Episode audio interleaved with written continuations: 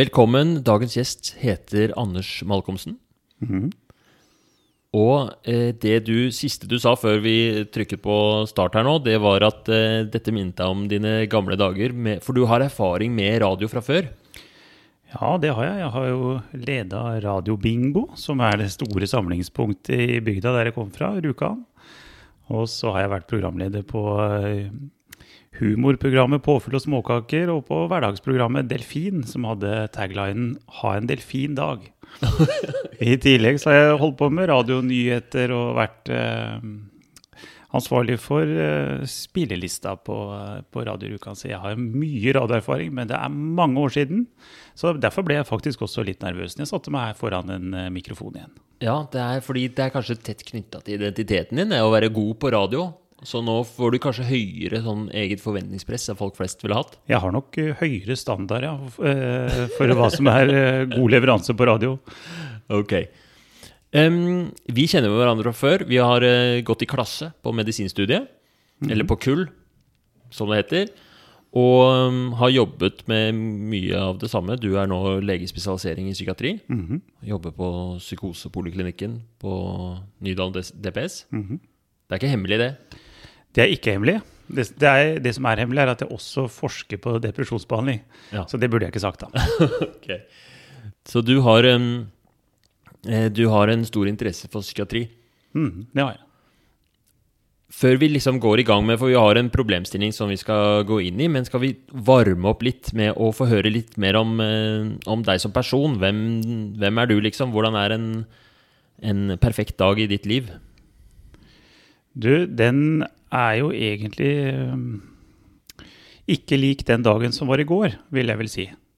Sånn at hvis jeg har to like dager etter hverandre, så eh, er ikke det det beste for meg. Men variasjon i hverdagen, og da f.eks. å komme hit og få lov til å snakke med deg og få servert gratis alkohol fra kjøleskapet ditt, det er en fin dag for meg. Men jeg kunne ikke gjort det samme i morgen. Da hadde jeg syntes det ble litt kjedelig. Så i morgen må jeg gjøre noe annet. Så, ja, nemlig. Du, er, du, du trenger det nye og det friske. Det er egentlig, det overrasker meg litt at du svarer det, fordi eh, du har jo alltid vært eh, en som er veldig lik deg selv. Ja, det er sant. Så dette er radiopersonligheten min som snakker. Nei, men Man kan virke lik utad, og så kan det være at man eh, gjør nye ting i det skjulte, vet du. Spennende. Ja. Ålreit. Vi må ha litt mer kjøtt på beinet. Jeg, jeg um, En av grunnene til at jeg veldig gjerne ville ha deg med på podkasten, var jo fordi du uh, snakket på en annen podkast, Psykopoden, som er en psykiatrisk uh, faglig podkast uh, om stoisisme. Om stoisk filosofi. Mm. Så det skal ikke være tema for denne podkasten, fordi du, da kan man jo bare høre på den. Men, men hva er eh, Hva For det første, hva vil du si om eh, stoisisme og hva det betyr for deg, da? Nei, for meg er det jo egentlig bare en interessant og annerledes måte å tenke rundt hva som er et godt liv på, som skiller seg veldig fra hvordan vi er vant til å tenke på det i dag. Og jeg syns at det har vært en stor motivasjon i mitt liv å lese stoisk litteratur. Og øhm, det som kanskje skiller stoikerne fra øhm, måten vi vanligvis tenker på i dag, er at de er ganske opptatt av fire helt spesifikke verdier. Og da er det jo rettferdighet, øhm, og det er måtehold, det er visdom og utholdenhet. Det er disse fire verdiene som de mener Hvis du har disse fire egenskapene, verdiene, hvis du lar disse fire tingene styre livet ditt, så vil du få et godt liv. Fordi eh, lykken i livet eller det gode livet er mer basert på hvem du er, enn hva du er. Og for meg, som ofte har hatt problemer med å motivere meg til forskjellige ting, så har stoisismen vært en nøkkel for å ja, gjøre nye ting. Så jeg tenkte, Vi snakka litt om det en gang, vi to, med trening f.eks. At jeg har alltid sett på trening som helt meningsløst. Hvorfor skal jeg gidde å trene? Og trening er jo, Du kan bygge muskler én uke, og hvis du ikke trener to uker, så blir de musklene borte igjen. Så det er noe forgjengelig ved det. Mens en stoiker ville sagt at du skal trene fordi trening i seg selv gir deg økt utholdenhet. Bare det at du gjør noe som du kanskje egentlig ikke vil, det er eh, i seg selv verdt å øve på.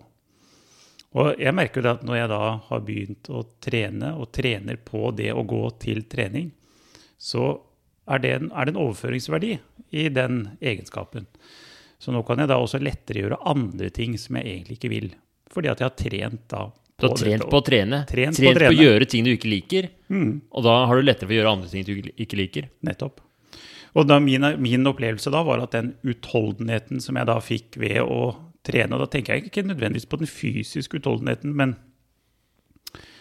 men den psykiske utholdenheten jeg fikk ved å gjøre noe over tid som ikke jeg likte, altså 40-50 minutter på et treningsstudio.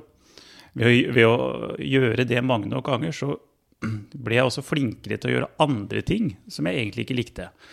Og den utholdenheten i seg selv har nok gitt meg et bedre liv. Og, og du tenker da eh, og Stoikerne sier jo ikke nødvendigvis hva du skal gjøre helt konkret, men de gir deg noen sånne verdier eller rettesnorer da, som du kan følge. Og jeg, jeg liker det. Jeg liker den tanken om at du skal tenke mer på hva du kan bli, eh, enn på hva du kan eh, Hva du kan få, liksom, eller hva du kan liksom oppnå. oppnå. Mm. Så bragdene er ikke så viktige. Det er mer øh, verdiene man har Eller verdiene, man, verdiene eller kvalitetene man opparbeider seg. Ja, så, så da trener jeg ikke lenger for å bli sterk eller for å kunne se bra ut på stranda, men jeg trener for å trene. Det er i seg selv nok for å øh, øve opp den utholdenheten, da. Den psykiske og den fysiske utholdenheten. Mm. Og så kan det jo godt hende at stoisismen tar helt feil, og at disse fire verdiene som, eh, som de har bestemt seg for at er de viktigste, egentlig ikke er de viktigste. Det får vi nok kanskje aldri svar på, men det fungerer for meg, da. Og, og det fungerer jo i hvert fall i den perioden av livet jeg er i nå. Og så er jeg åpen for å også bytte. Du er ikke fanatisk stoiker. Nei, nei tvert, tvert imot. Jeg er nok medgangssupporter til stoisismen. Så det fungerer for meg nå i den perioden jeg er i livet nå, og så kan det godt hende at jeg bytter til noe annet senere. Jeg tror det egentlig er ganske lurt. Å være litt åpen for at man kan uh, tenke at jeg, det er ikke alltid at det som passer i en periode av livet, passer i en annen periode av livet. Og at det kan være en styrke i seg selv å kunne forandre litt mening om hvordan livet bør leves i ulike faser og Mm. ulike situasjoner. Ja, minner meg om eh, Jeg har hørt folk snakke om eh, forskjellige filosofier eller livssyn, eller at, at man kan se på det som sånn, en slags linse, og se gjennom eh, på liv, Eller se på livet gjennom. Og at man kan prøve på forskjellige Hvordan er det å være eh, altså Hvis man hadde hatt en kristen oppvekst, ikke sant, så har man jo prøvd hvordan det er å være kristen, og hva det gjør for hvilke valg man tar, og så kan man prøve ja, kan, Hvis man er veldig interessert, da, så kan man lese litt om buddhisme og så teste ut det. Og så kanskje finnes, finner man etter hvert uh, noen ting som er viktig for en, uavhengig av hva slags linse man har på seg. Og så, Mm. Jeg vet ikke om det kan være meg du har hørt det fra, for jeg har jo hatt et sånt nyttårsforsett i mange år, at jeg hvert år bestemmer meg for en ideologi eller en eh, filosofi som jeg skal følge det året. er det Og sant? så tester jeg ut den, da. Så da jeg har hatt um, eksistensialisme har jeg prøvd. Uh, kristendom har jeg prøvd. Buddhisme har jeg prøvd et år. Dette med stoisisme var jo da for to år siden at jeg prøvde det. Og så har den satt seg? Den, den har satt seg, ja. Ja. Men, men eh, jeg må jo likevel prøve nye, Ja. uh, nye ting. Så, men i år har jeg da eksistensialisme for andre gang, for jeg syns ikke jeg fikk det helt til i fjor. Det var, korona kom litt i veien for eksistensialismeprosjektet mitt, så den, der har jeg tillatt meg å Ja. ha to år på rad. Men neste år har jeg tenkt at jeg skal bli romantiker. Ok. Ja, altså Ikke en romantiker i sånn romantisk forstand, men altså en, en romantiker i, i, eh, i begrepets rette forstand. Altså opptatt av eh, la følelsene eh, styre meg, dyrke de sterke følelsene. Oi. Kanskje ikke bruke fornuften så mye, men la det såkalte hjertet lede, da. Det var utrolig spennende. Hva har vært um, Ok, nå fikk jeg tre millioner spørsmål, men uh, Først, hva har vært uh, den beste og den dårligste ideologien? Jeg syns kanskje Det er ikke så lett å svare på, men, eh, men jeg syns kanskje at eh, buddhismen var nok den som skuffa meg mest. For der hadde jeg jo forventa at det skulle være veldig mye visdom, og at jeg skulle tenke at, nå, at jeg skulle bli rolig, få et godt liv. Uh, ja. Uh, Å bli buddhistisk, da. Eh, Men det ble jeg ikke. Jeg ble egentlig bare litt sånn fortvila, for jeg skjønte at eh, buddhismens innerste kjerne den er jo basert på en ganske eh, melankolsk grunnstemning. Altså at det ikke fins noe eh, selv, f.eks. At det ikke er noe lite jeg som bor inni meg, som jeg kan stole på og være trygg på, men alt er egentlig bare ja, eh, tilfeldige strømninger. Eh, livet er som en slags elv da, som man kaster seg uti. Um, og alt er meningsløst i bunn og grunn. Og skjønte at Buddha egentlig var en melankoliker. Så, så ble jeg litt, først litt skuffa over det, og så ble jeg mye mer urolig enn jeg noen gang har vært. Uh, og så ble jeg kanskje mest uh, sånn skuffa over hvor fragmentert buddhismen viste seg å være. da. Det fins ikke én buddhistisk skole, men hele 500, og ingen av dem er enige om noen ting. Det var ikke sånn som jeg trodde, at det var ett et samla, eh, harmonisk eh, Fordi buddhisme har et utrolig godt rykte. Ja, veldig ufortjent godt rykte. Overvurdert Ja. ideologi. Ja, jeg vil si det. Og, og Yes. det har ikke kommet så godt fram hvor splitta eh, buddhismen er, og hvor grunnleggende så depressiv den egentlig er i sin kjerne. Da. Alle har jo hørt dette uttrykket fra Buddha om livet er lidelse.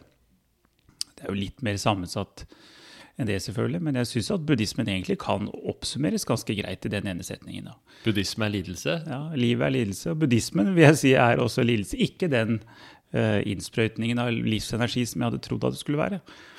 Men da du hadde buddhistisk år, mediterte du da? Jeg prøvde, ja, jeg prøvde det. Jeg hadde lasta ned apper og, og hadde en del sånne meditative sesjoner, ja. Hvordan var det, da? Eh, nei, jeg synes det var spennende, men, eh, men jeg, det er ikke noe jeg har fortsatt med. Det er en av mange ting som jeg da egentlig ikke har gjort siden. Eh, men for å svare på den andre delen av spørsmålet ditt, den positive overraskelsen, det var vel kanskje kristendomsåret mitt. Altså, det er jo en eh, Jeg ble nok ikke kristen, det kan jeg ikke si, men jeg fikk større respekt for den kristne religionen og det kristne livssynet. og, og og der jeg tenkte at det var mye splittelse, sånn før jeg begynte, begynte med det, så så jeg at det er kanskje mer enhet og forening der enn i buddhismen. Da. Og dette grunnleggende kristne budet om medmenneskelighet og menneske, ja, kjærlighet til, til mennesket, den har jeg nok tatt med meg videre. Jeg husker jeg så en uh, film om Snåsamannen. Mhm. Har du sett den? den dokumentar, Margaret Olin sin dokumentar om Snåsamannen. Nei, den har jeg ikke sett. For han har jo også eh, Det husker jeg Han, eh, han eh, har jo et eh, så vidt jeg husker, ganske sånn kristent livssyn. Og jeg har aldri hørt det blitt solgt inn så bra. At han, han, eh, han snakket om at eh, at mennesket er det mest fantastiske. Eh, at han var så glad i mennesket, liksom. Menneskeheten og mennesket som eh, skapning. Det syns jeg var så fint å høre. For jeg syns menneskeheten og mennesket får så mye ufortjent kritikk. Eller kanskje noen ganger fortjent også, da.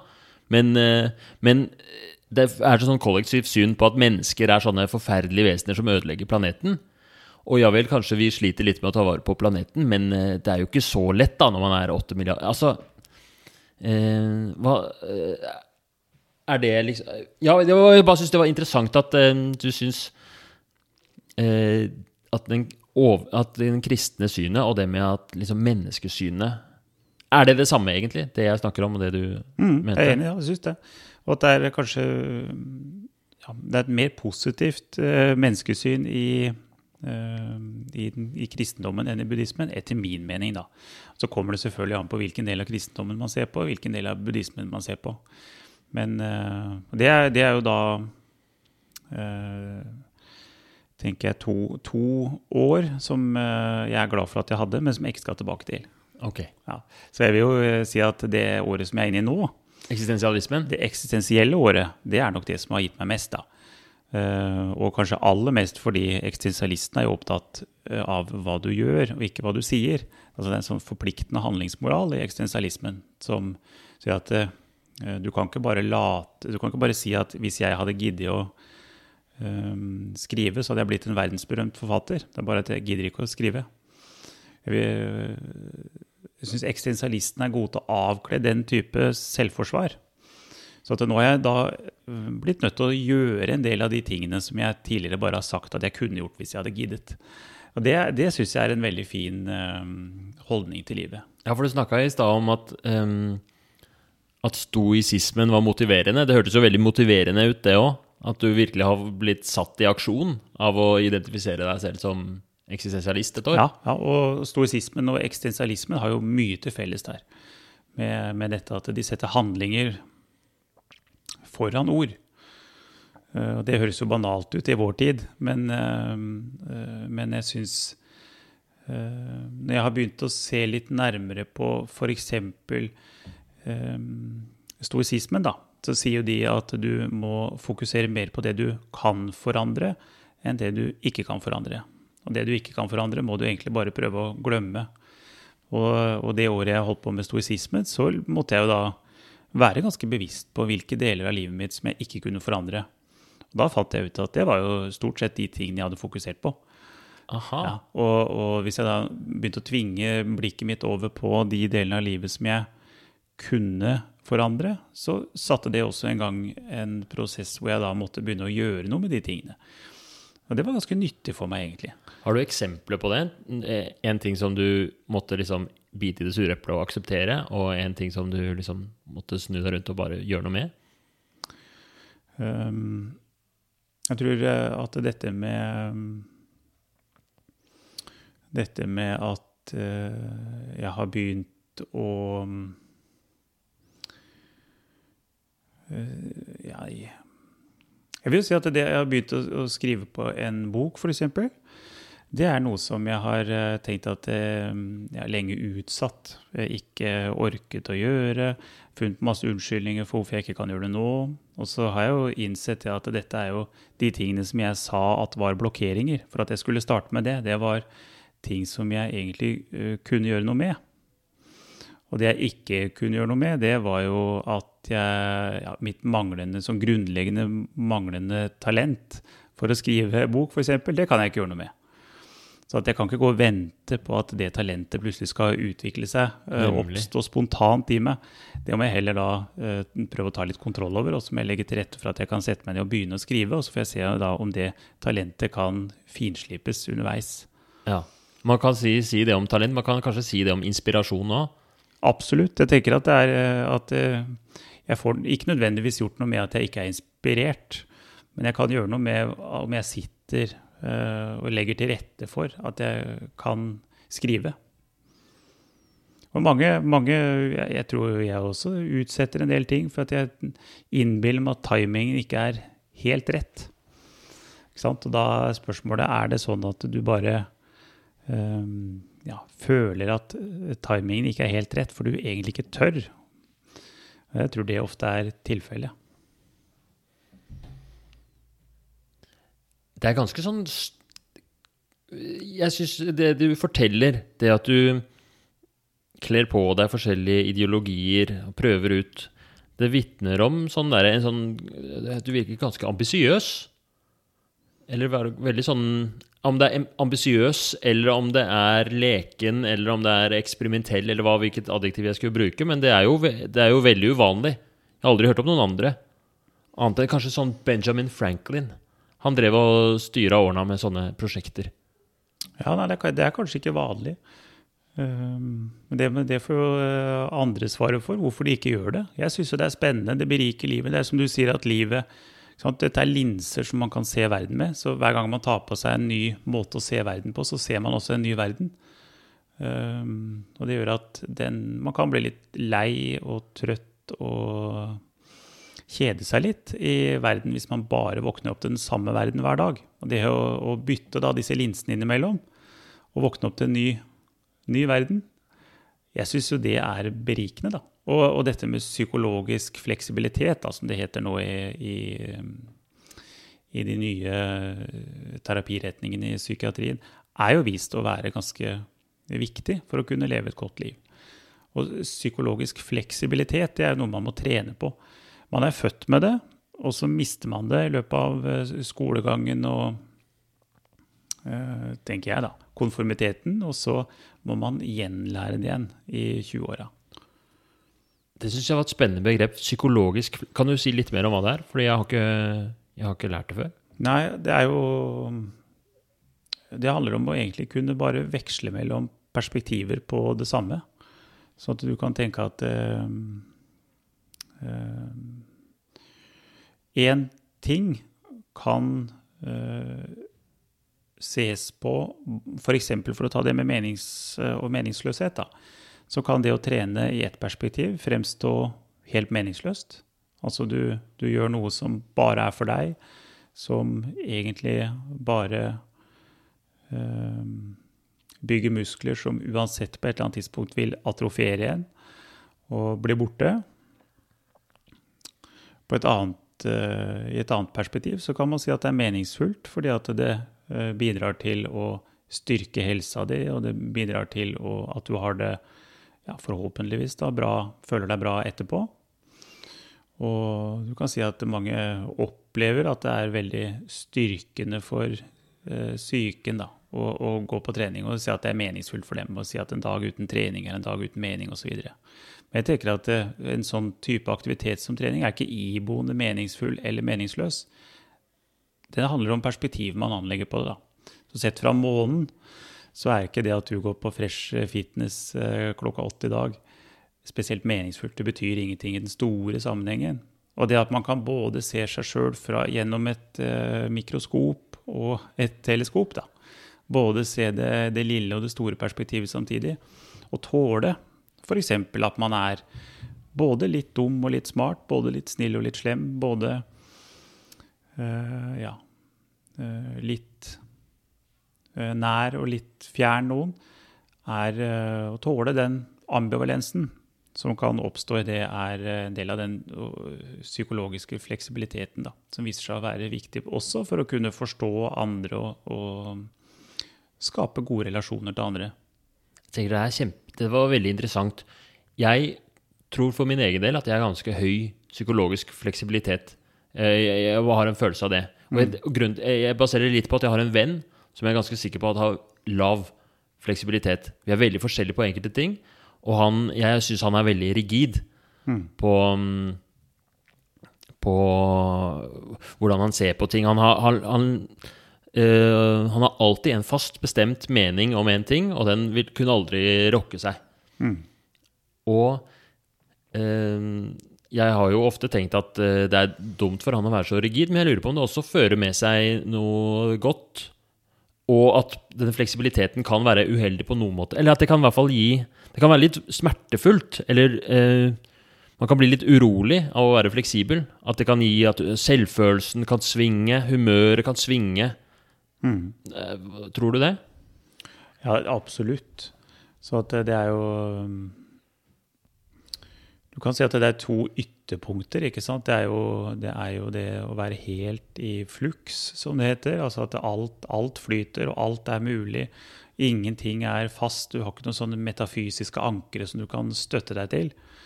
Um, som det ene ytterpunktet, hvor ting kan bli ganske kaotisk. Spennende, selvfølgelig, uh, men kaotisk. Så har du det andre ytterpunktet, som er det som du nevner, hvor ting er helt fryst og fastlåst eller sedimentert. da. At det, hele sinnet er forsteina på et vis. Og, um, og, det tror jeg kan bli uh, ganske trygt. Uh, og, og, det motsatte av kaotisk, altså veldig ordna og veldig stabilt.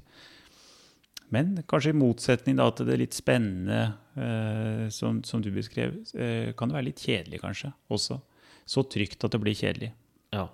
Og det, det blir jo mindre rom for utvikling òg, og, og, kanskje læring og som du sier, du mener jo at ved å prøve ut forskjellige ideologier, eller ved å utforske forskjellige sider av livet, så har du jo fått et bedre liv, sa du i stad. Mm.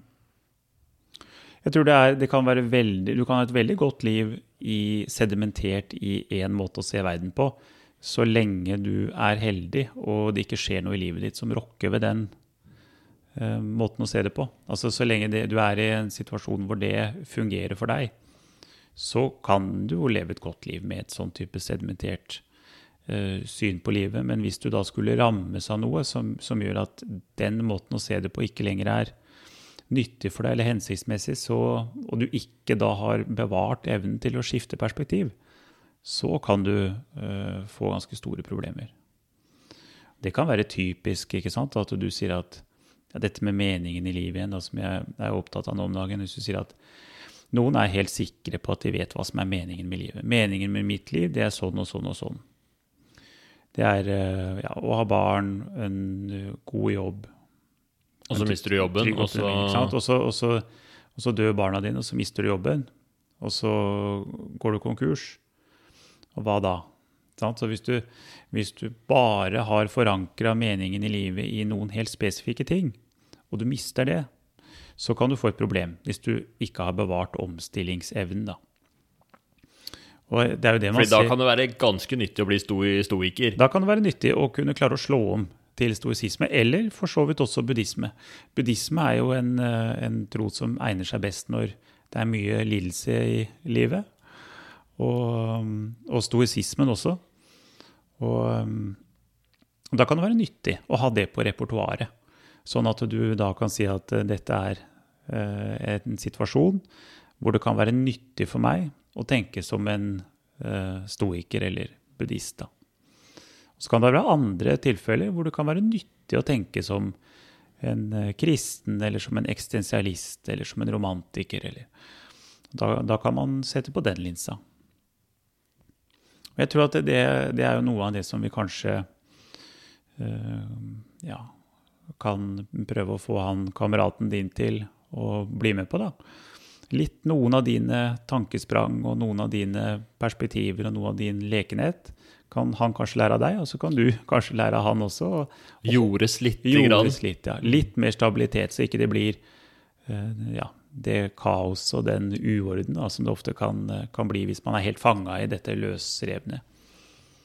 Jeg opplever, ja, for jeg har hatt lenge, eller jeg har mange ganger i livet syntes det har vært eh, ting, forskjellige ting har vært vanskelig. Og det som jeg syns alltid har hjulpet meg, har ikke nødvendigvis vært en sånn psykologisk rigiditet, men å ha litt sånn rigide omstendigheter, eller å ha eh, Jeg finner så mye glede og stabilitet i å ha faste rutiner, ha en veldig sånn godt organisert kalender og og litt sånn strikte leveregler for meg selv, som mange av de rundt meg syns er sånn Ikke vær så streng med deg selv, men det er altså å gi meg så mye glede å ha Og ja, for eksempel eh, boikotte nettaviser totalt, da. Mm. Ha en sånn Jeg leser aldri nettaviser fordi eh, ikke at det er noe galt med nettaviser, eller noe sånt, men det gjør jeg bare 100% ikke. fordi ofte så havner jeg på kjøret, og så blir jeg setter det i gang så mye tankespinn av en sånn nettavisrunde. Fordi jeg blir så gira på hver eneste artikkel og kan ikke sant, Så ser jeg det, det, den artikkelen der, og så går selvfølelsen i taket eller i bunnen, eller så får jeg masse ideer. Altså Bare som et eksempel, da. Mm. Jeg er enig i det. Og jeg, du, du, ble litt overraska i stad da jeg sa at jeg likte uh, at uh, dagen i går ikke er lik dagen i dag. Og det er kanskje også fordi at du kjenner meg litt og vet at jeg nok har en del rutiner som jeg sjelden uh, endrer på. Men, men, jeg tenker som du sier at det, det ytre er ikke nødvendigvis det viktigste for hvordan man opplever dagen. Så at jeg kan si at jeg spiser det samme i dag som i går. Men jeg kan bestemme meg for at i dag skal jeg fokusere på helt andre ting ved det jeg spiser. Så jeg kan si at I går så spiste jeg da med å ha fullt fokus på å prøve å legge merke til det salte.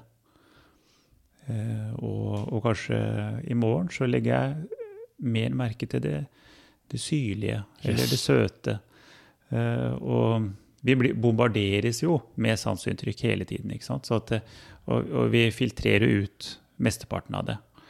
Og Fordelen med å gjøre det samme hver dag er at man kan oppleve det samme på nye måter hver eneste dag. Men det krever jo litt arbeid å bryte med det ganske rigide mønsteret. For hjernen vår er jo lat. Vi er late, så at vi liker helst at eh, ja, inntrykkene filtreres på den samme måten. Mm. Da opplever vi også det samme. Hvis vi prøver å bestemme oss for at vi skal filtrere inn nye ting, så opplever vi også nye ting.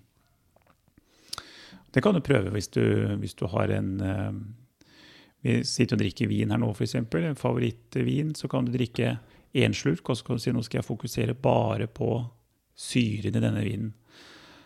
Og så neste slurk, så nå skal jeg bare fokusere på sødmen i denne vinen. Og så vil jeg si at det er to helt forskjellige slurker, da. Altså Det har jeg veldig lyst til å prøve, men vi har et problem, og det er at jeg har drukket opp mitt vinglass. Så da det, må vi nesten ta en liten pause, så jeg får fylt på den på nytt, og så skal vi se. Skal jeg, skal jeg prøve ut det?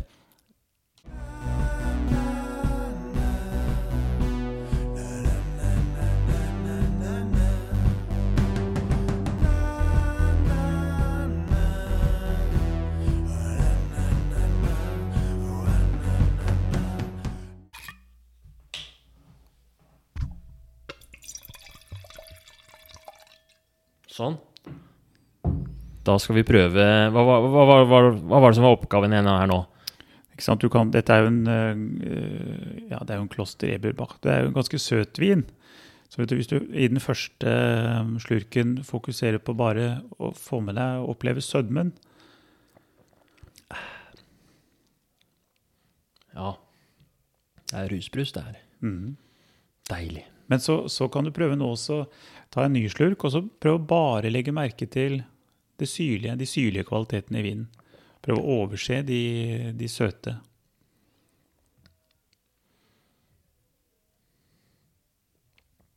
Det smaker faktisk forskjellig. Ja, og så kan du, virke sånn at Dette kunne man gjort videre. Det bitre. Prøv å drikke nå, bare legg merke til det bitre. Ja, jeg, jeg, jeg lurer på Er dette to spørsmål. Er dette god radio? Og det andre er Blir jeg eh, nå for berusa til å gjøre et godt og motiverende intervju på deg etterpå? Men vi prøver. Hva var det jeg skulle se etter nå? Bitre? Det bitre, ja. Dette, er, dette hadde vært veldig dårlig radio, men det er, det er veldig god podkast. Det er Ikke to sant? helt forskjellige medier. Dette er jo det langsomme mediet Ja. hvor, hvor lytteren kan drikke med. Ja, Fysj, den bitre vinden der. Jeg orker ikke mer av den. Nei. Nei, så det er jo, Dette var jo litt eh, satt på spissen, kanskje, men, men jeg tror at det å være mer bevisst på den prosessen som hele tiden foregår når vi opplever livene våre fra dag til dag, time til time, det kan også åpne verden på en ganske spennende måte.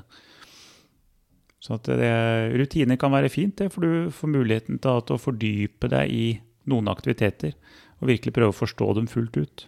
Og så er det også et forsvar mot verden, opplever jeg det som, med rutiner.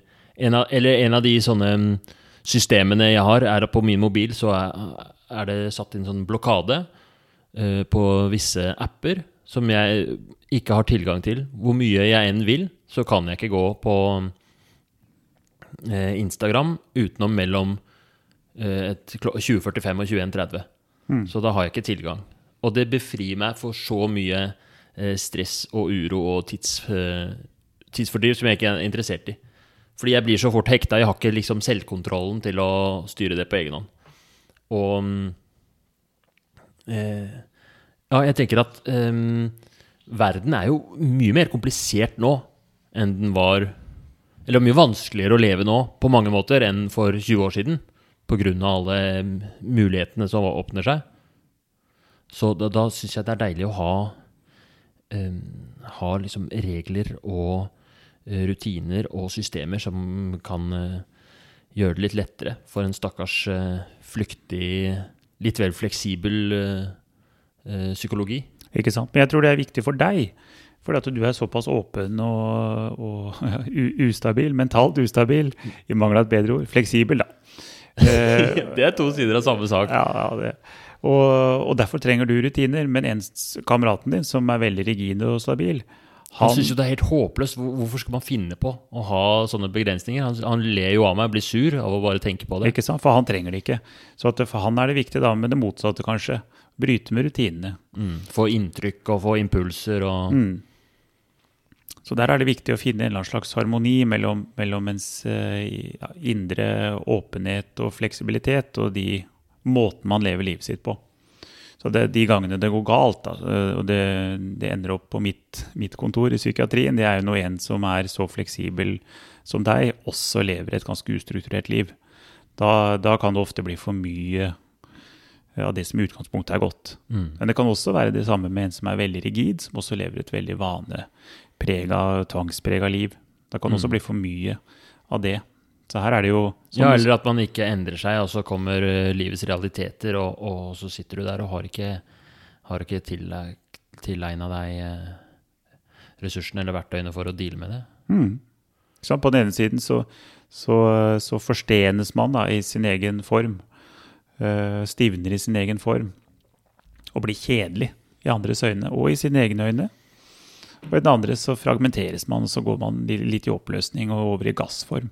Uh, Men det er, etter, det er, også interessant med han min venn, den rigide. At han er overhodet ikke kjedelig. Altså Som samtalepartner så er han så stimulerende å snakke med. Noe av det er fordi han er så utrolig direkte og sikker på seg selv og tydelig i sine meninger at han er liksom Man får virkelig bryne seg på, på en måte som er underholdende og gøy og Ja. Det er et godt eksempel på at det ene ikke er bedre enn det andre. Men, eh, men, og at vi trenger, vi trenger, eh, litt av alt. Sånn som vi også trenger flere ideologier, flere uh, filosofier, flere religioner, for så vidt, som kan konkurrere side om side, fordi alle har sitt unike blikk på verden. Og, og vi trenger en, en, del unike blikk på verden for at ikke vi skal kjede oss så mye. av Vi får lengre og lengre liv. Det skal være lengre og lengre liv, og da, da, hjelper det å ha litt forskjellige linser å se verden gjennom. Så derfor jeg syns jo det er på en måte litt digresjon, men jeg syns det er litt trist også at religionen er i ferd med å dø ut. Eh, fordi vi mister da noen sånne eh, måter å se eh, verden på som, ja, som, som kan være spennende, morsomme å leke med. Mm. Jeg fikk det der med å linser og se på og perspektiver på ting og hvordan man ser på ting. Jeg har to sånne um, Nei, eller det blir feil, men det var i hvert fall et sånt ganske stort skifte for meg på et um, uh, Da jeg fikk diagnose ADHD, eller den prosessen der, så fikk jeg, ble, fikk jeg, et helt nytt syn på meg selv, og så på plutselig en del av uh, uh, min personlighet som jeg gikk fra, fra å tenke at ok, sånn er jeg bare, jeg er eh, lat og udugelig og dum, liksom, mm. til å tenke at ok, jeg har en slags svikt eller jeg har en patologi som ikke er så uvanlig, og den kan til og med behandles. Og det var ganske, det var ganske viktig for meg å få det da. Og så i senere tid så har jeg eh, Er det Jeg tror Kjenner du til ayurveda? Nei. Det er sånn indisk alternativ medisin-tankegang. Men de har um, Grunnen til at jeg har plukka opp det, for jeg hører på en sånn amerikansk psykiater som uh, har en um, Det er litt lignende motiverende intervju, faktisk. At han, han har samtaler med forskjellige folk på Twitch. Uh, og så er det litt sånn terapeutisk tilnærming og litt psykoedukasjon og sånn.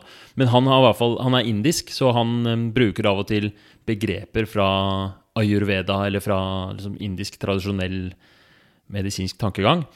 Og eh, han hadde en sånn fantastisk spennende samtale med en som hadde ADHD. Hvor han eh, la frem mer sånn indiske perspektivet på ADHD. er At du er et, et eh, De deler mennesker inn i fire typer. Det er jord og vind og vann og ild. Mm. Og han sa er det verdt da'. Ikke sant? At du er sånn vindmenneske. Og, og, forklarte det på liksom det. Og det var så utrolig berikende å høre for meg at, eh, at eh, noen av de metaforene og noen av de eh, karaktertrekkene som han trakk fram, det, det, ga meg et veldig sånn positivt syn på, på, på, det å ha en viss type personlighet som er preget av at man blir lett gira på ting. Man er kanskje veldig fleksibel, kreativ, men samtidig vanskelig å få konsentrere seg og fokusere. Og ja, det var nok en sånn level up for selvfølelsen min. da. Jeg mm. følte at uh, uh, At det ikke nødvendigvis bare var et problem, men også at uh, det medfører viktige, viktige, egenskaper som komplementerer fint med andre personligheter. Da. hvis man samarbeider, f.eks., Eh, hvis én person er flink på Altså Jeg har jo opplevd det før i sånn gruppearbeid at jeg kan være veldig flink til å skrive slurvete førsteutkast, og så er det noen som er veldig flink til å lage eh, grundige, gjennomtenkte andreutkast. Hvis Mm. man, hvis man eh,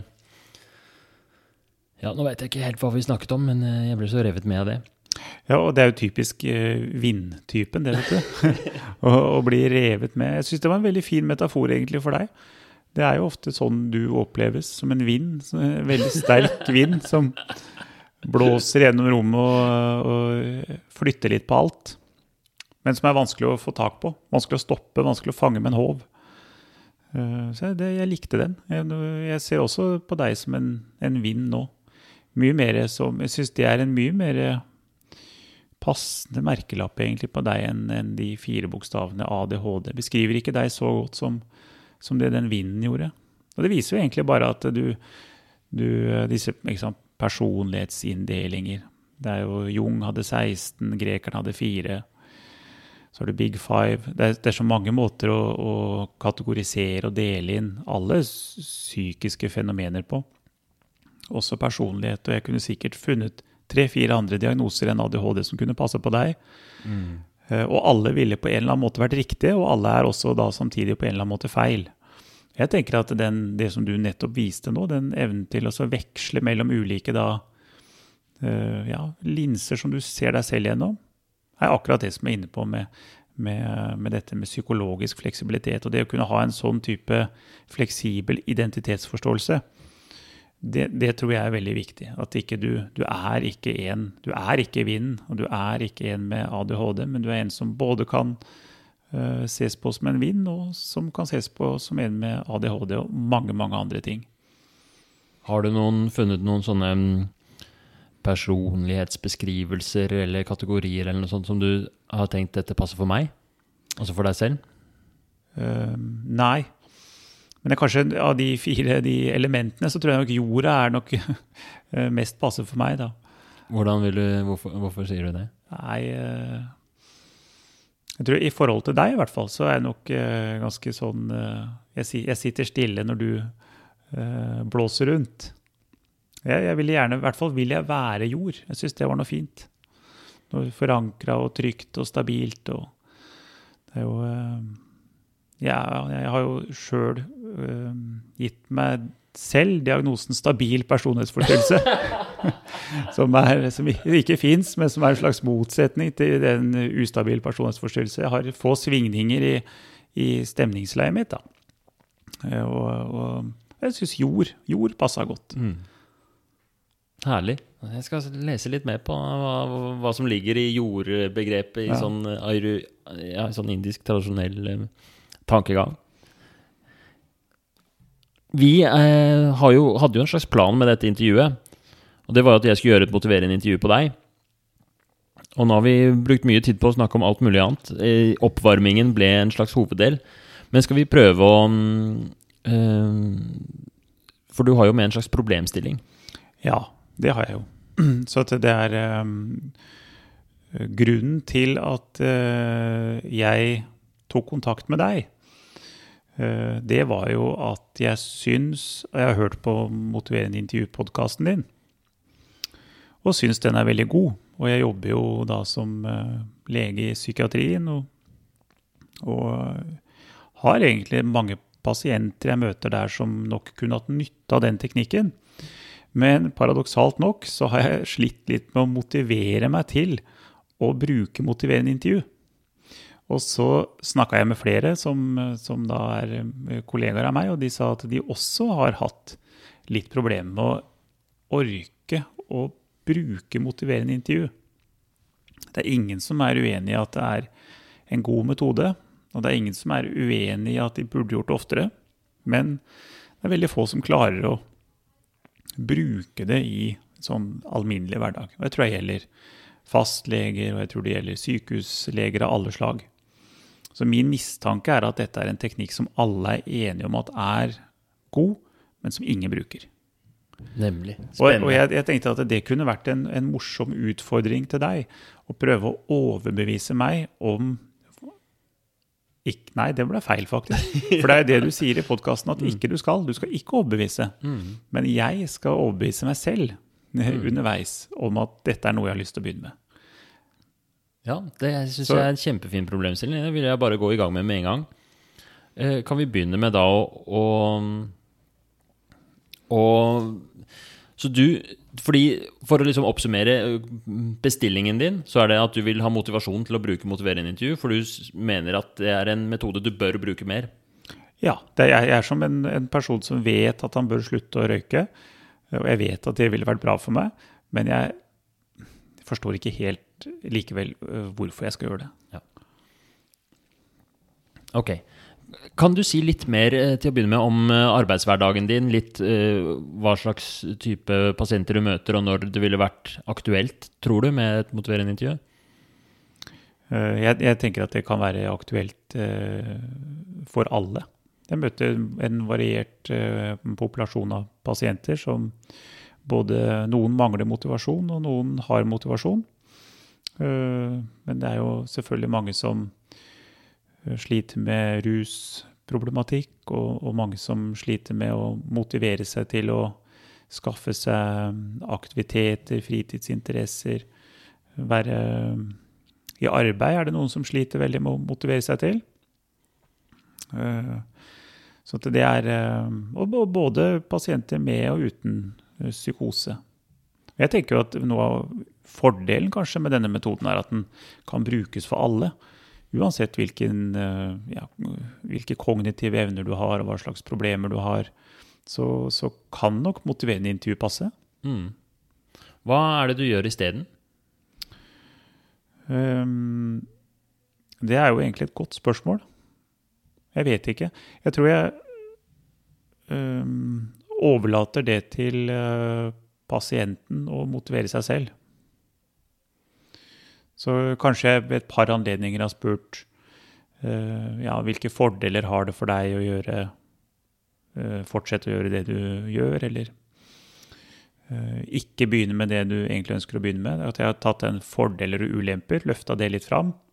Men de har vel kanskje vært bare litt halvmotivert Fra din side? fra min side, ja. Mm. Og i hvert fall når, jeg, når det er halvmotivert fra min side, så blir det jo selvfølgelig også halvmotivert for den som svarer. Mm. Så jeg har vel tenkt på motivasjon altså, snakka om det med, metaforer i stad. Jeg har vært litt opptatt av metaforer i terapi. Jeg tenker at det er tre mulige måter å se terapeutens rolle på. Med tre forskjellige metaforer. Første er jo å se på terapeuten som en bilmekaniker. eh, Og, og tenke at eh, ja, pasienten kommer inn til terapeuten, og terapeuten skal fikse pasienten, sånn som man fikser en bil. Så du leverer en eh, bil på verksted og tenker at når den bilen kommer ut derfra, så skal den være fungerende. Og da overlater man jo ikke noe ansvar til pasienten selv, men alt til legen. Og så har du den uh, nummer to-varianten, som er at eh, terapeuten eller legen da, er som en slags personlig trener, som kanskje skal eh, vise deg hva du bør gjøre, og så gjøre det litt med deg. Eh, sånn som en personlig trener gjerne blir med deg rundt på treningssenter eller lager et ganske sånn tett program for deg, sier akkurat hva du skal gjøre, når du skal gjøre det sånn. Men likevel er det din oppgave å gjøre det.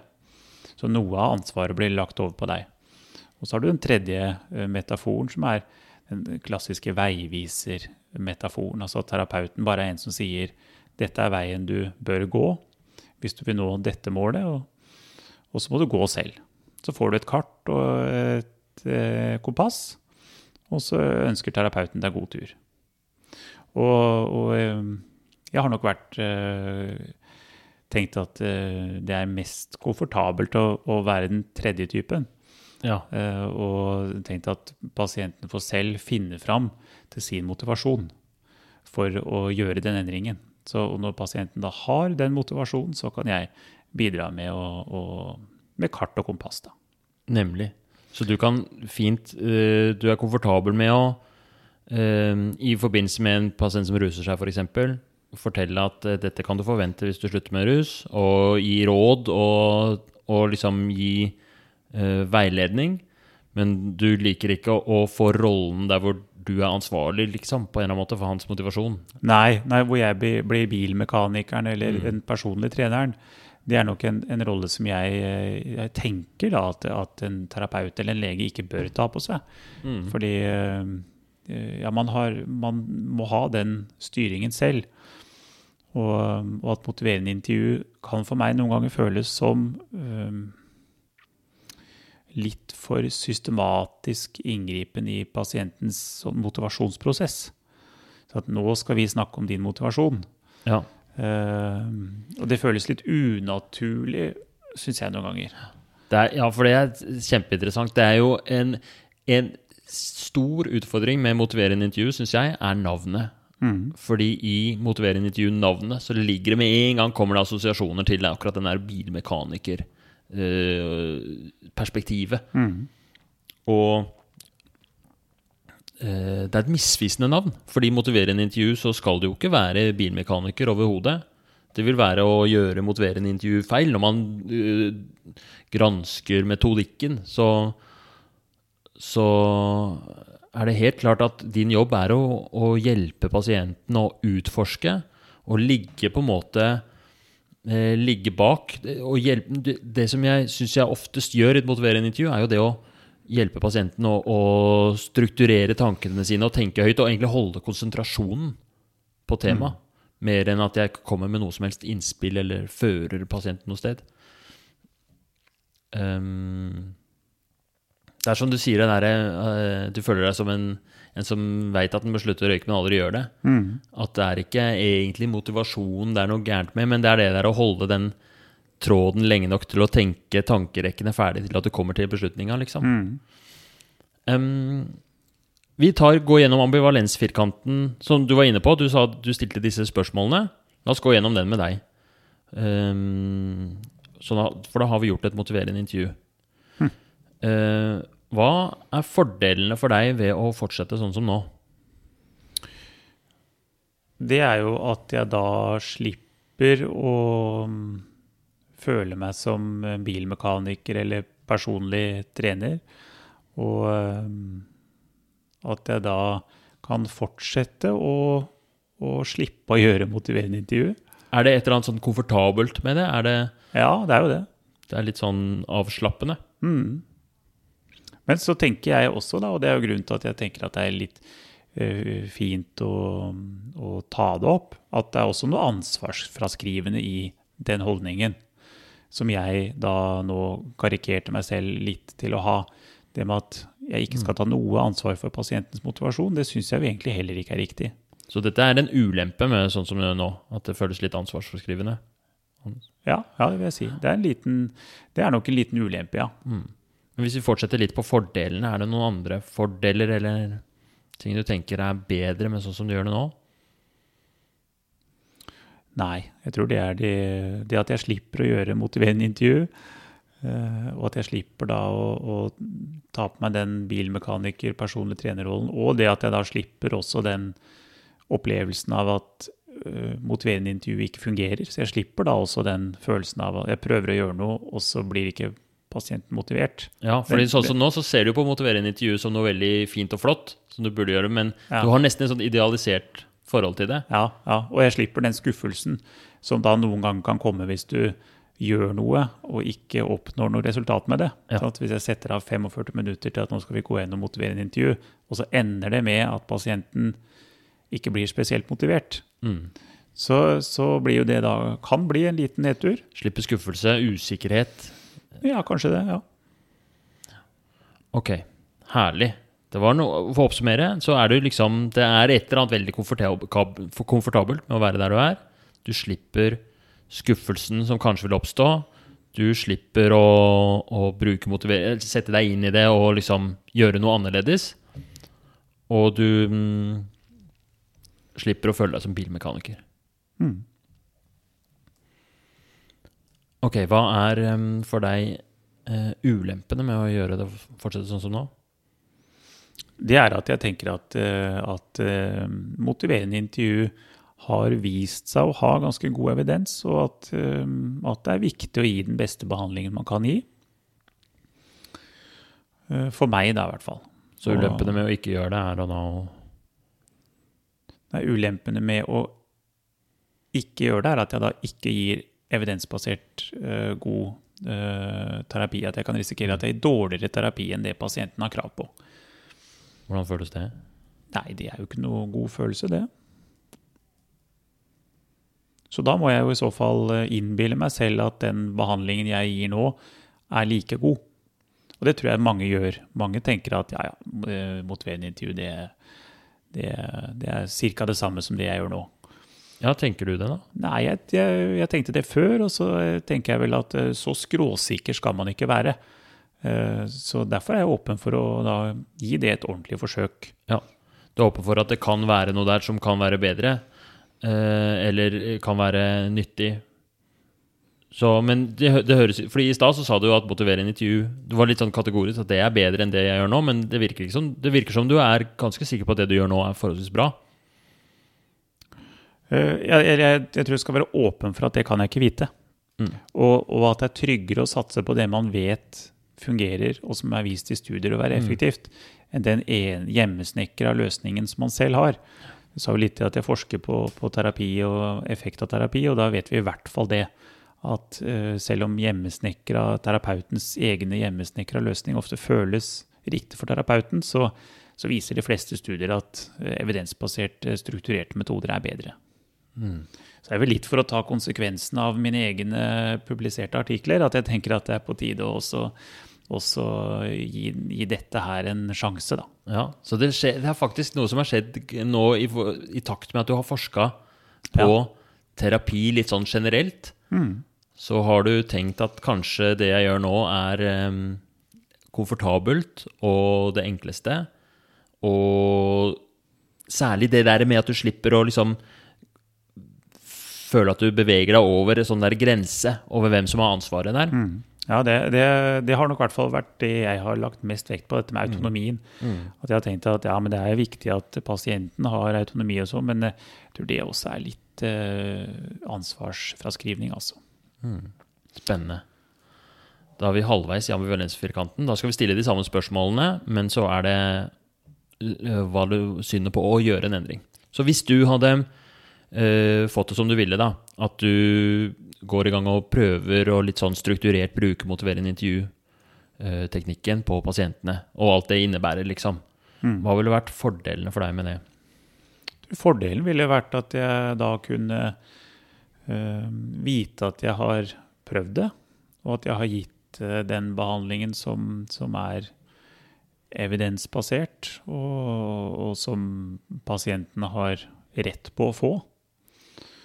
Eh, for det er jo din podkast om motiverende intervju som Helsedirektoratet eh, eh, betalte for. Den er jo lagd fordi at det er forskriftsfesta, eller i hvert fall det står det i retningslinjene, at vi skal tilby dette. Så da, da ville jeg fått en god følelse av å gjøre det. Og, og jeg hadde lært meg noe nytt. Da. Det er alltid spennende å lære seg noe nytt. Og ja, å få Det er litt å utvikle seg, liksom. Og mm. det er en god følelse. Det er noe du liker. Mm. Og så kunne jeg skrytt til kollegaer av at, eh, at, jeg gjør dette, og så kunne jeg følt meg litt bedre enn dem fordi de ikke gjør det. Det har vært en liten bonus. Det er en deilig bonus. Det er en deilig bonus. Å ha liksom noe eh, bragging rights. Mm. Det, er litt, det er et fint bilde av det på, liksom på poliklinikken. Så er det ja, at man kan bruke litt sånne I lunsjen så kan man skryte av det, sitt mm. motiverende intervju. Mm. Interessant. Hva er ulempene ved å gjøre en endring, da? Det er jo at det koster jo litt energi, selvfølgelig, å lære seg noe nytt. Så selv om det på ene siden kan være morsomt å lære seg noe nytt, så koster det også litt. Alternativkostnaden er at det er noe annet nytt jeg ikke får lært meg. Men det er klart at som så ofte når man setter opp en sånn uh, firkant som det, så er det ikke så veldig mange ulemper med å prøve. Ja, altså Jeg opplever at ofte så kommer det fram ofte mer ulemper hvis man graver litt, enn ja. um, det man skulle tro. Så hvis vi går litt dypere i det der med koster energi Fordi Uh, I starten så var du litt på sånn at motiverende intervju bare var noe du kunne sette i gang og gjøre. Mm. Men føler du deg egentlig trygg på det? Er det jeg, jeg føler meg trygg på at jeg kunne ha klart å gjennomføre et motiverende intervju hvis jeg hadde hørt den første episoden din på nytt. Og, og også lest det som Helsedirektoratet har lagt ut, for å um, reklamere litt for det. Men, men jeg, så jeg tror ikke det kreves stor omstilling fra min side for å gjøre det, nei. Mm. Men du må faktisk sette deg ned og gjøre det først. Da. Det er noen sånne steg. Ja, da, så jeg tror jeg måtte nok gitt meg mm. sjøl en, en, time eller kanskje to også foran, foran dataen og, og, gjort et lite arbeid der. Mm.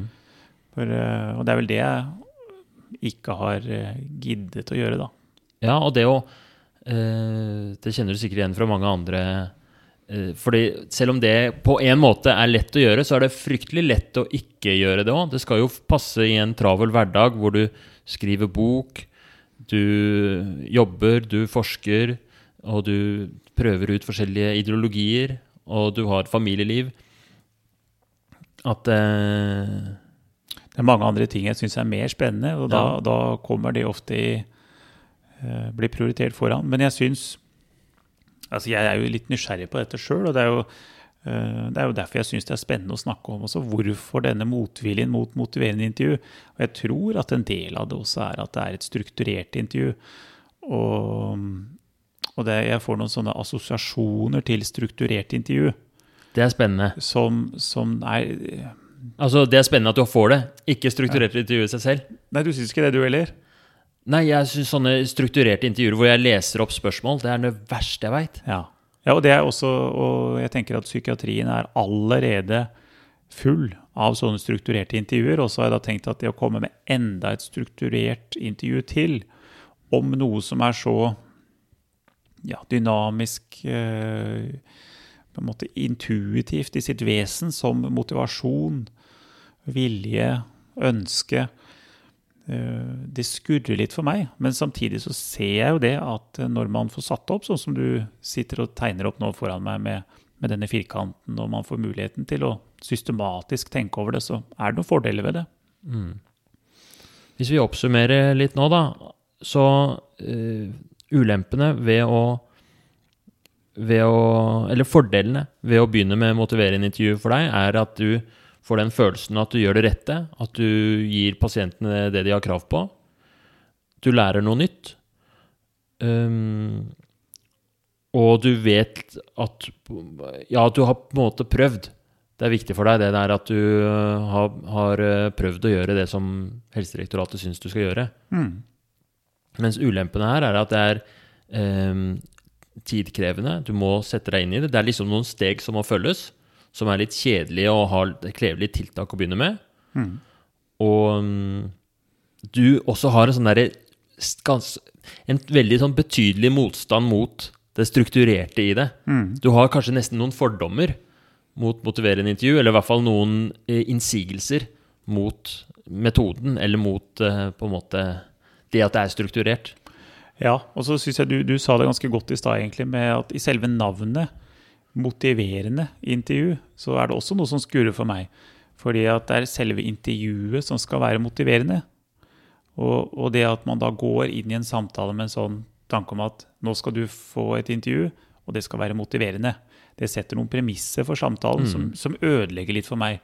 Så hvis, hvis metoden heller hadde hett uh, ja, motivasjonskartlegging eller utforskning av motivasjon og endringspotensial, et eller annet sånn generisk og kjedelig, så hadde jeg nok heller ikke fått den litt sånn klamme øh, assosiasjonen som jeg får da, til mm. dette motiverende imperativet. Det er interessant. Det. Jeg er helt enig med deg. Det av og til med pasienter så, så, så, så sier jeg, legger jeg tydelig fram hva vi skal gjøre, og hvordan vi skal gjøre det. Og det, jeg er veldig glad i å fortelle hele veien til pasienten hvordan jeg gjør ting. Det syns jeg er en sånn supertips. Mm. Men det er ikke alltid jeg forteller navnet. Og det er noen mm. ganger jeg finner på egne navn på det, faktisk. Jeg ja. tror, ja, det er noen ganger jeg sier sånn Nå skal vi gå gjennom noe som vi kaller en ambivalensfirkant. Og det er viktig for å kartlegge motivasjon og, og se på vilje Eller et eller annet. Ja, det, det, likte jeg faktisk veldig godt. Du, for det høres jo for det første litt mer avansert og, og imponerende ut. Mm. Og, og og også litt mindre sånn fordummende. Fordi pasienter er jo som folk flest eh, relativt oppegående. Og det å komme draende med noe sånn motiverende intervju og sånn, høres litt, eh, det er nesten litt flaut. Mens en ambivalensfirkant, det høres alvorlig og Mm. voksent ut. Ja. Så eh, hvis jeg får lov til å kalle det for ambivalensfirkant istedenfor motiverende intervju, så tror jeg at terskelen for meg kan bli betydelig lavere for å ta i bruk den metoden. her. Det, det kjenner jeg med en gang. Det var interessant. Ja. Ja, det var veldig interessant. Jeg skal, gå, jeg skal jo eh, undervise medisinstudentene i motiverende intervju nå. Kanskje jeg skal bare bytte navn på hele greia? Ja, vet, det det er jo ikke alle som er sånn eh, så eh, kverulerende kanskje som, eh, som meg. Så det er vel en grunn til at jeg har kalt det motiverende intervju, da, for at det fenger mange. Men du kan jo høre med dem hva de tenker om navnet. Om det gir dem de samme assosiasjonene som, som det gir meg. Det er veldig interessant. Altså, i, jeg leser en uh, motiverende intervju-bok nå av Bart med flere, i forbindelse med at jeg skal drive og Ja, anyways. I innledninga der så har de også en sånn lang utgreining om Fordi i den forrige utgaven av boka så kalte de det noe annet. Ja. Og, men nå er motiverende intervju-begrepet blitt så liksom etablert. Mm. Og jeg tror det er litt sånn politisk, fordi polit politikken vil jo veldig gjerne at vi skal utføre et motiverende intervju, og så skal vi motivere pasientene. Og det føles så veldig optimistisk, da. Mm. Men det er eh, helt klart misvisende på hvordan Fordi alle de tingene som Mange av de tingene som du Nå har vi gått ut av det motiverende intervjuet. Hvis jeg hadde hatt motiverende intervju med deg nå på ordentlig, eller eh, Nå gjør jeg på en måte feil, for nå babler jeg i vei. Ja. Bare så du vet det. Um, men mange av de tingene du har sagt, at um, det, særlig det der med at du har lyst til å ikke skyve over uh, rollen din sånn at du blir bilmekaniker, det er helt sånn uh, tydelig i metodikken, så gjør man ikke det i det hele tatt. Og det er en av de fremste verdiene at pasientens autonomi skal bevares, og det er han som skal ta beslutningene. Um, så når navnet gir de assosiasjonene, så er det et dårlig navn. ja, det er sant. Ok, la oss gå tilbake til, til det vi driver med. Så vi gjør et motiverende intervju på deg nå, og det vi har gjort er å bruke ambivalensfirkanten, som basically er fire forskjellige åpne spørsmål som setter i, gang, setter i gang deg til å prate. Og det du forteller nå, er jo fordeler og ulemper med å gjøre en endring. Det kalles endringssnakk. Eh, Og nå har du kommet med ca. 20 minutter eller noe med endringssnakk. Og det er vel egentlig det vi har gjort, og utforska litt. Og jeg har stilt litt åpne spørsmål, og jeg har eh, eh, reflektert litt og oppsummert litt og bare holdt deg på tråden, liksom. Hvordan, eh, hvordan føler du det nå? Altså, jeg, jeg føler meg jo veldig mye bedre etter at du sa at det ikke det trenger å hete motiverende intervju. Det var litt nøkkel for meg. Og, og bare det å øh, kunne få snakke litt om min aversjon mot det strukturerte, det hjalp også litt. Men, men det skurrer nok litt fortsatt for meg på, på det med struktur. Mm. Uh, og og om vi, om vi kunne klare å, å finne en, et annet perspektiv på det, være litt mer fleksible på måten vi tenker rundt det på, så tror jeg at, eh, at jeg kunne virkelig helhjerta gått inn for dette prosjektet. Mm. Men det, det er noe som stopper litt for meg der. Ja, hva, Fortsatt. kan du prøve å komme til bunns i hva det er, eller Nei, jeg tror at det er kanskje litt sånn eh, at det er frykten for å bli litt kjedelig. mm. Eh, At, at samtalen skal bli litt kjedelig, og, og, og jeg tror jo at motivasjon oppstår i ja, sterke øyeblikk, og at sånne øyeblikk er vanskelig å strukturere samtalen frem til. Ja. Men så har jo den samtalen her nå, den har jo vist meg det motsatte. Nettopp gjennom den strukturen som, som samtalen hadde gjennom den firkanten, Mm. så kom vi jo fram til dette at kanskje det er eh, noe med det ordet motiverende som er galt. Så Jeg syns Ja. det har vært kjedelig i denne samtalen. Nei, så nå reflekterer jeg jo da litt over kanskje at nettopp strukturen ga de rammene for den spontaniteten og dynamikken. Ehm, På samme måte som du snakka om i stad, at disse rutinene er viktige for deg for å ramme inn den øh, åpenheten din. Tenker jeg kanskje eh, fordi Nettopp fordi kanskje at eh, motivasjon og ønsker og vilje er så dynamiske, intuitive prosesser, så må samtalen være strukturert. Mm. At man, man trenger en struktur på samtalen for å snakke om så flyktige, eh, vanskelig, håndgripelige ting. Nei, jeg tror jeg, jeg tror jeg løste mitt eget problem. Jeg, der. Det er jo det beste man Ja. vi vil høre, det. Et motiverende intervju. Ja, så der tror jeg metoden fungerte ganske bra. Så det, Hva, hvordan ser du for deg at um, Eller øh, et, et mål på en måte Det er ikke nødvendigvis et mål, men en ting som av og til skjer i, når man går gjennom ambivalensfirkanten og reflekterer sånn som du gjør nå, er at man kommer nærmere en beslutning, eller man tar en beslutning. Det, får du følelsen av at det skjer hos deg? øh, Eller hvor, hvor i landskapet er du når det kommer til liksom følelsen av å ta en beslutning om noe?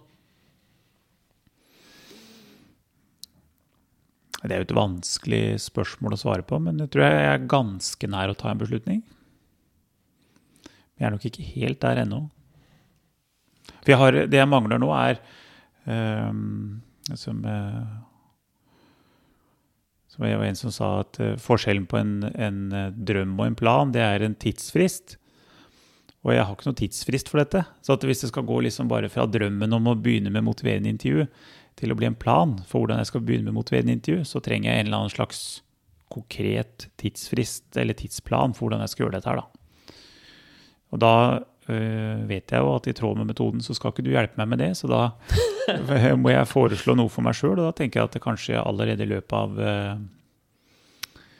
øh, denne uka så skal jeg lese meg opp på det som jeg trenger å lese meg opp på for å ha en, en klar sånn teoretisk ramme rundt det, og da skal jeg si at jeg gir meg sjøl to timer.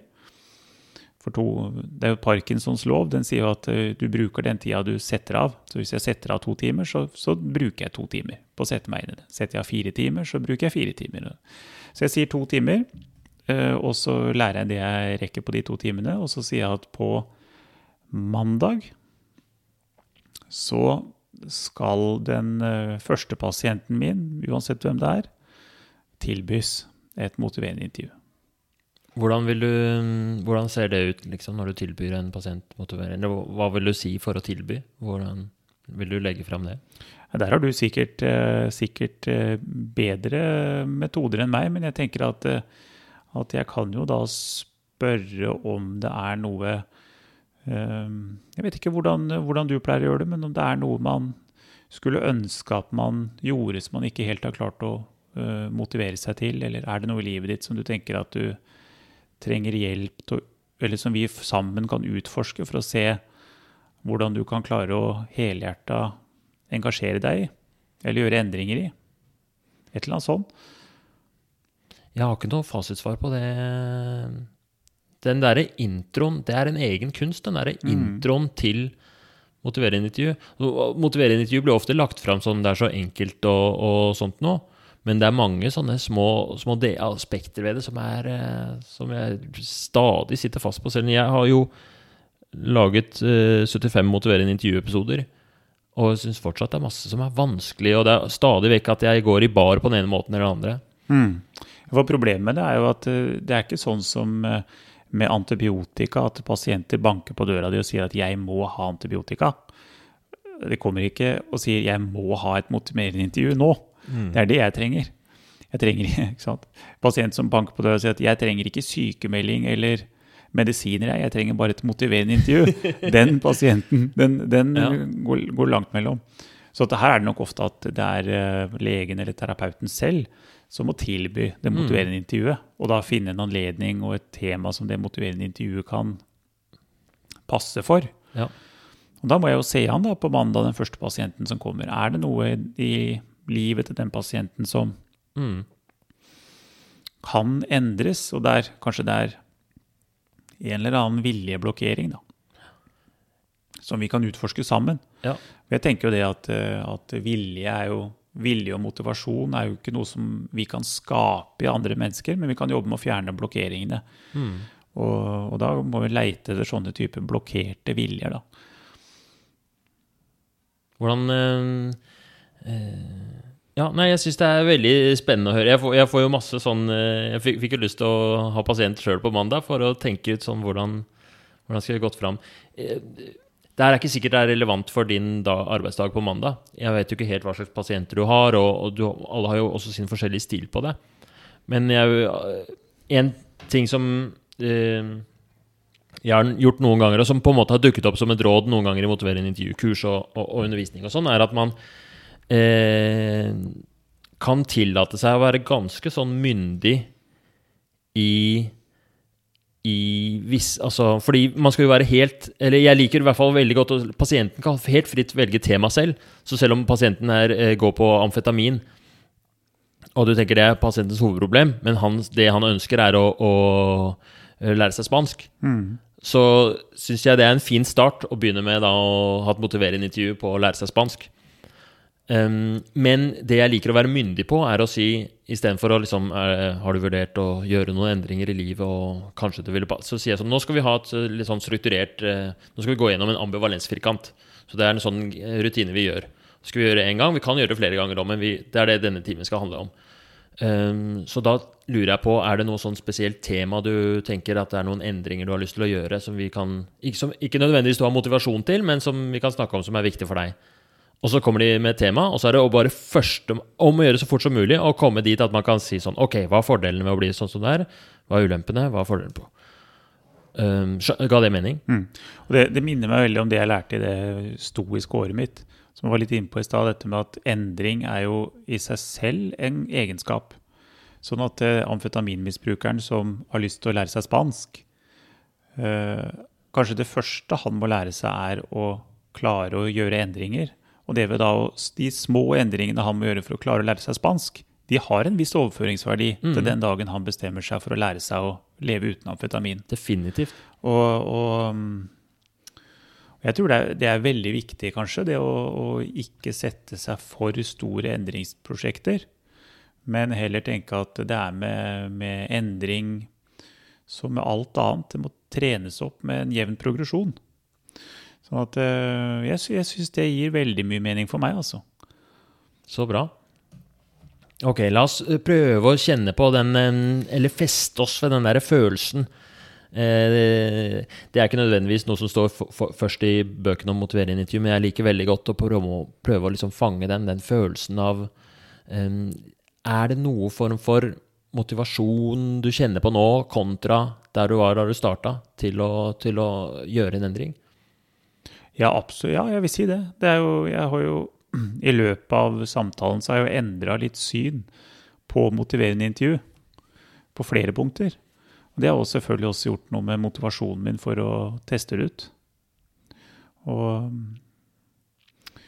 ja, jeg, jeg, tenker at dette her eh, Og også selvfølgelig litt i at nå har jeg sagt til deg at jeg skal sette av to timer, og jeg har sagt at jeg skal gjøre det på mandag. Det, det hjelper også litt. Mm. Eh, Og så er det opp til meg om det skal bety noe eller ikke. Det løftet eller den avtalen jeg har gjort med deg. Mm. Og da er det jo, må jeg prøve å tenke at det, det skal bety noe. Ja. Og eh, jeg tror jeg skal få til det. Så bra. Ja, hvor eh, Det er en annen del med det. Hvor mye trua har du, liksom? Hvor, hvor eh, enkelt føles dette? Ja, det føles, eh, føles veldig enkelt. Det gjør det nå.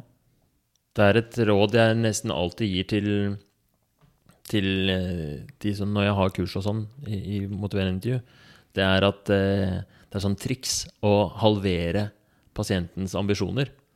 Så hvis en eh, sier at han skal kutte ned fra Eller skal trene fire ganger neste uke, Mm. så er det ofte sånn at eh, man kan gå inn og så kan man være myndig på det. Da. Man kan si sånn Du får ikke lov å trene mer enn to ganger neste uke. Vi kan ha en ny samtale, men, men eh, eh, vi må dessverre halvere ambisjonen din. Mm. Um, og det trenger ikke å være eh, Altså Man må være litt sånn smart da for å finne hvordan man kan gjøre det litt enklere, men i ditt tilfelle eh, så er det liksom to timer satt av til å sette deg inn i det, og så på mandag skal det på en eller annen måte tilbys motiverende intervju eller starte. Eh, Er det, måte, er det noe der som liksom kunne gjøres enda enklere? Jeg tror jeg, jeg, for meg tror jeg det er enkelt nok. Herlig. Herlig. Så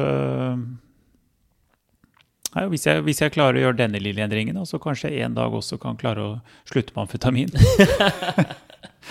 Kjempebra. Ja. Nei da.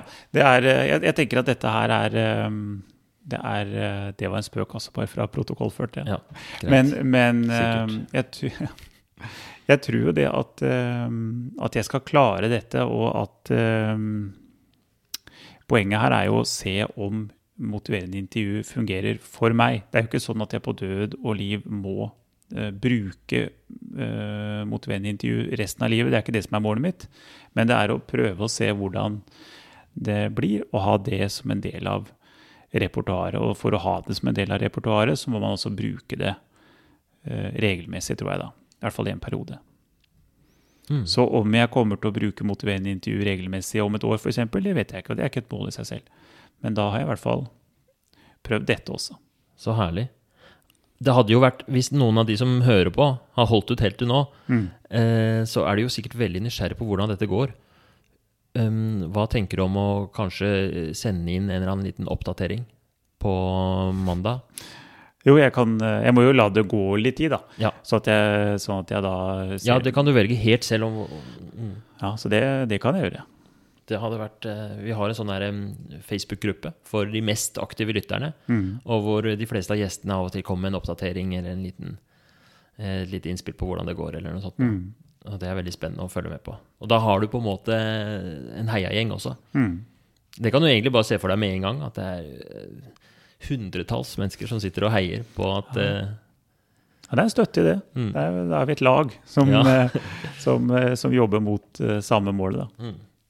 Det jeg liker med, med beslutningen din nå, er at uh, du er åpen, men ikke sånn skråsikker på at det, For det kan jo hende at uh, du lærer deg motiverende intervju og bruker det litt, og du kommer fram til at du syns ikke det er en egnet metode, eller du har kritikk til uh, Det er liksom ikke noe sånn fastlåst i dette her. Mm. Og når enn du vil um, komme, hvis, du, hvis, hvis det er noe som stanger, så i hvert fall har det vært min erfaring at mange som kommer og så stanger med et eller annet, så er det jo gjerne løsningen at eh, Så ligger det ofte mye løsninger på det i teknikken, i metodikken.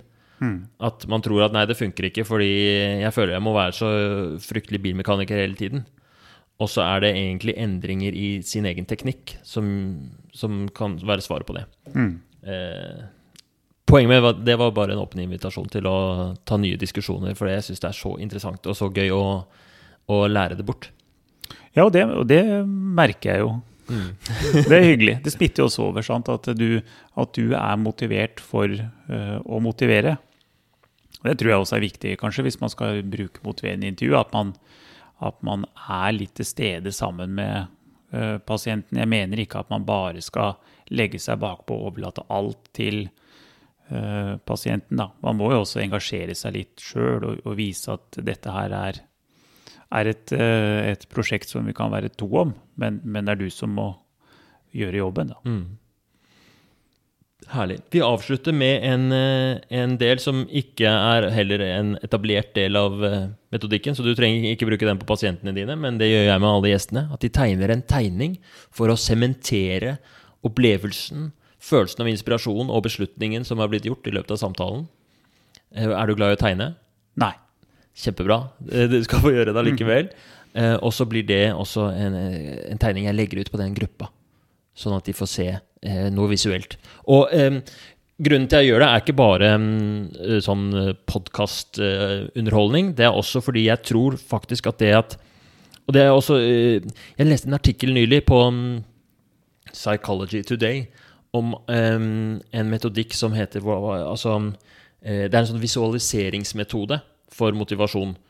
Som handler om å, å, å visualisere med, sånn, med tydelige bilder om det man ønsker å oppnå.